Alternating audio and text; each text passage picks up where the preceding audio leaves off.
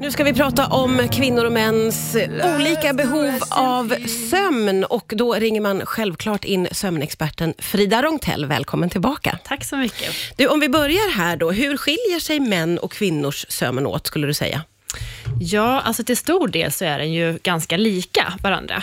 Men det finns vissa skillnader och man kan väl säga att kvinnor tenderar oftare att vara mer av kanske morgonmänniskor, eh, medan män mer av kvällsmänniskor och kanske inte blir trötta riktigt lika tidigt. Vet man vad, vad sånt beror på? Eh, ja, det kan ju finnas många olika anledningar. Det kan påverkas dels av till exempel gener, men också av livsstil och sådana saker. Mm. Eh, men det finns ju också såklart kvinnor som är mer kvällsmänniskor och män som är mer morgonmänniskor, så att det här är ju på mer gruppnivå. Ja, jag förstår. Ja. Och det ändras också över livet. Så I tonåren då är vi ofta ganska mer av lite mer kvällsmänniskor. Mm vill sova länge på morgonen, medan när vi blir lite äldre så blir vi mer och mer morgonmänniskor och vaknar lite tidigare. Så, ja, just det. Um, så, så ålder är ju en faktor på att mm. sömnen förändras? Absolut. Och, och för alla gissar jag då? Ja, precis. Ja.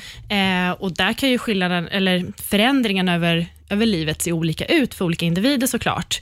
Men ofta så blir det så att vi kanske sover lite kortare när vi blir äldre, lite mer lättväckta, lite mindre djupsömn. Och även här kan det finnas vissa könsskillnader, så kanske att den här förändringen i att vi får mindre djupsömn med åldern, att den kanske är något större hos män än hos kvinnor till exempel. Ja, Okej, okay. och varför är det så? Ja, det är en väldigt bra fråga. Man blir nyfiken.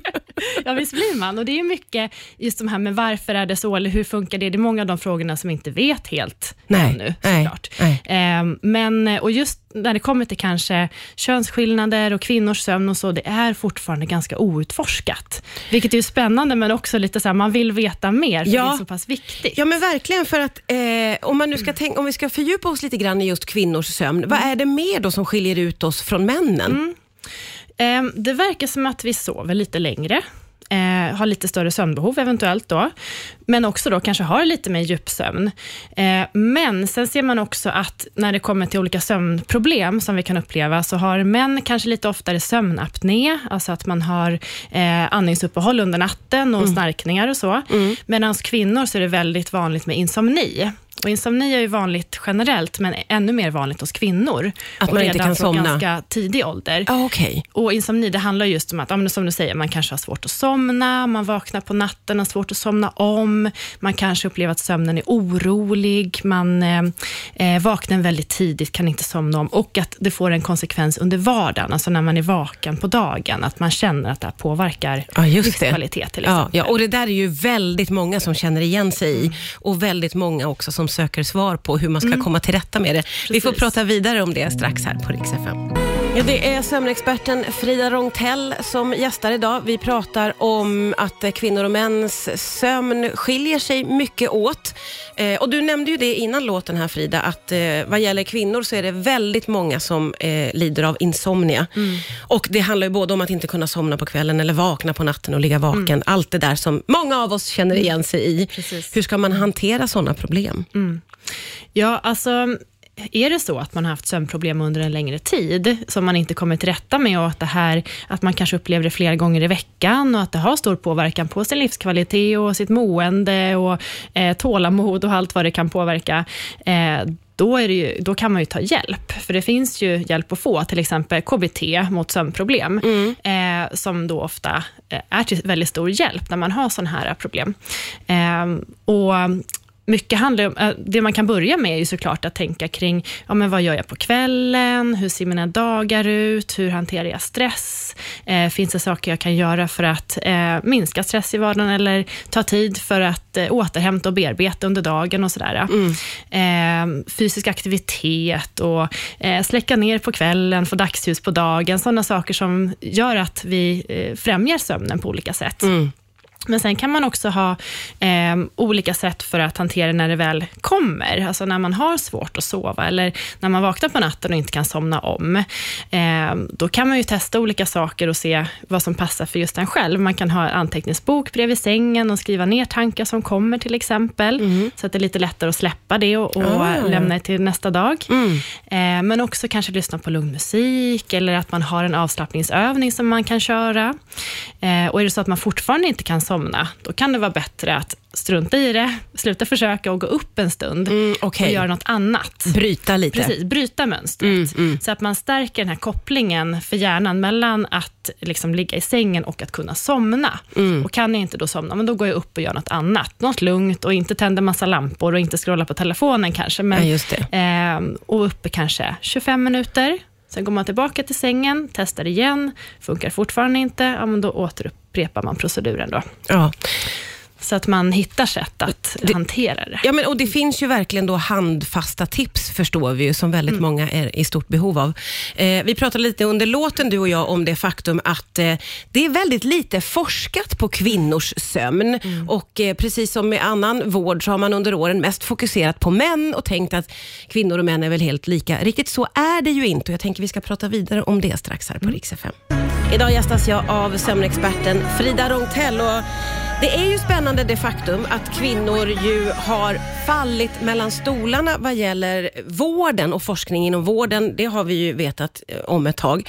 Och detsamma gäller ju sömnforskningen, eller hur? Mm, det skulle jag absolut säga, att det finns ju väldigt mycket kvar att göra när det kommer till kvinnors sömn och eh, också hur den påverkas under livet och under olika faser i livet och menstruationscykel och hormonella preventivmedel till exempel. Det finns väldigt mycket här som vi inte vet så mycket om. Ja, ja. Men sömnen spelar ju väldigt stor roll i våra liv, så det kan ju ha stor påverkan på oss. Ja, men precis. Hur kommer det sig att man inte har ägnat sig åt att fokusera på kvinnor på det sättet, tror du?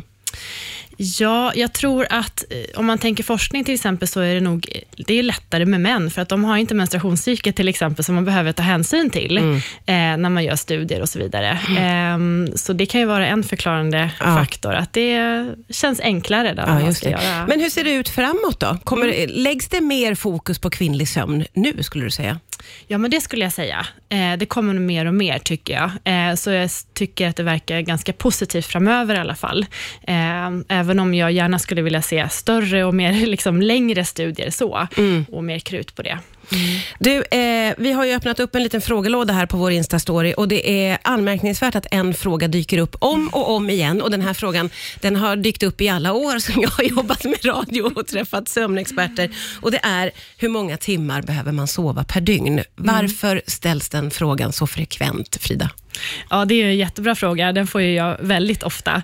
Eh, och Jag tror det ena är att det, man har nog en bild av att man ska sova åtta timmar i Ja. sträck på natten. Ja. Och så kanske det är så att man upplever att men jag har svårt att få till det, eller jag sover åtta timmar per natt, men jag tycker inte att det känns tillräckligt, eller jag sover mindre än det och det känns tillräckligt. Eller, ehm, och Då kanske man känner viss oro, att man inte får det man behöver.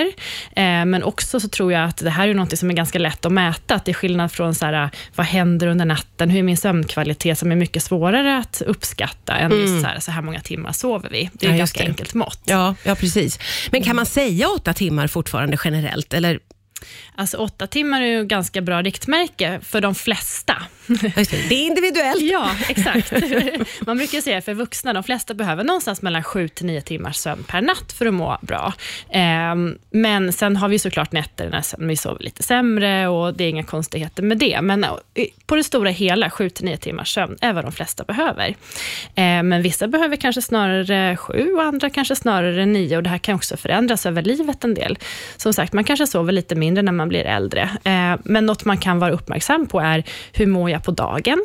Orkar jag med ungefär det jag tänkt att, göra? Har jag energi? Känner jag mig alert och sådär? Sen har vi såklart mm, dippar under dagen också, men på det stora hela. Eh, och hur upplever jag min sömn? Känner jag mig orolig kring min sömn och sådär?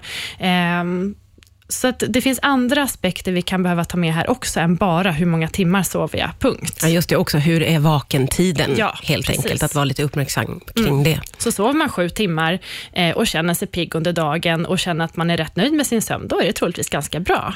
Men sen kan det vara så att man sover åtta timmar och känner att man inte orkar med under Ja. dagen. Det kan ju ha väldigt många olika förklaringar, men det kanske är så att man har sömnapné och vaknar till under natten och sådär. Så att det handlar inte bara om antal timmar heller.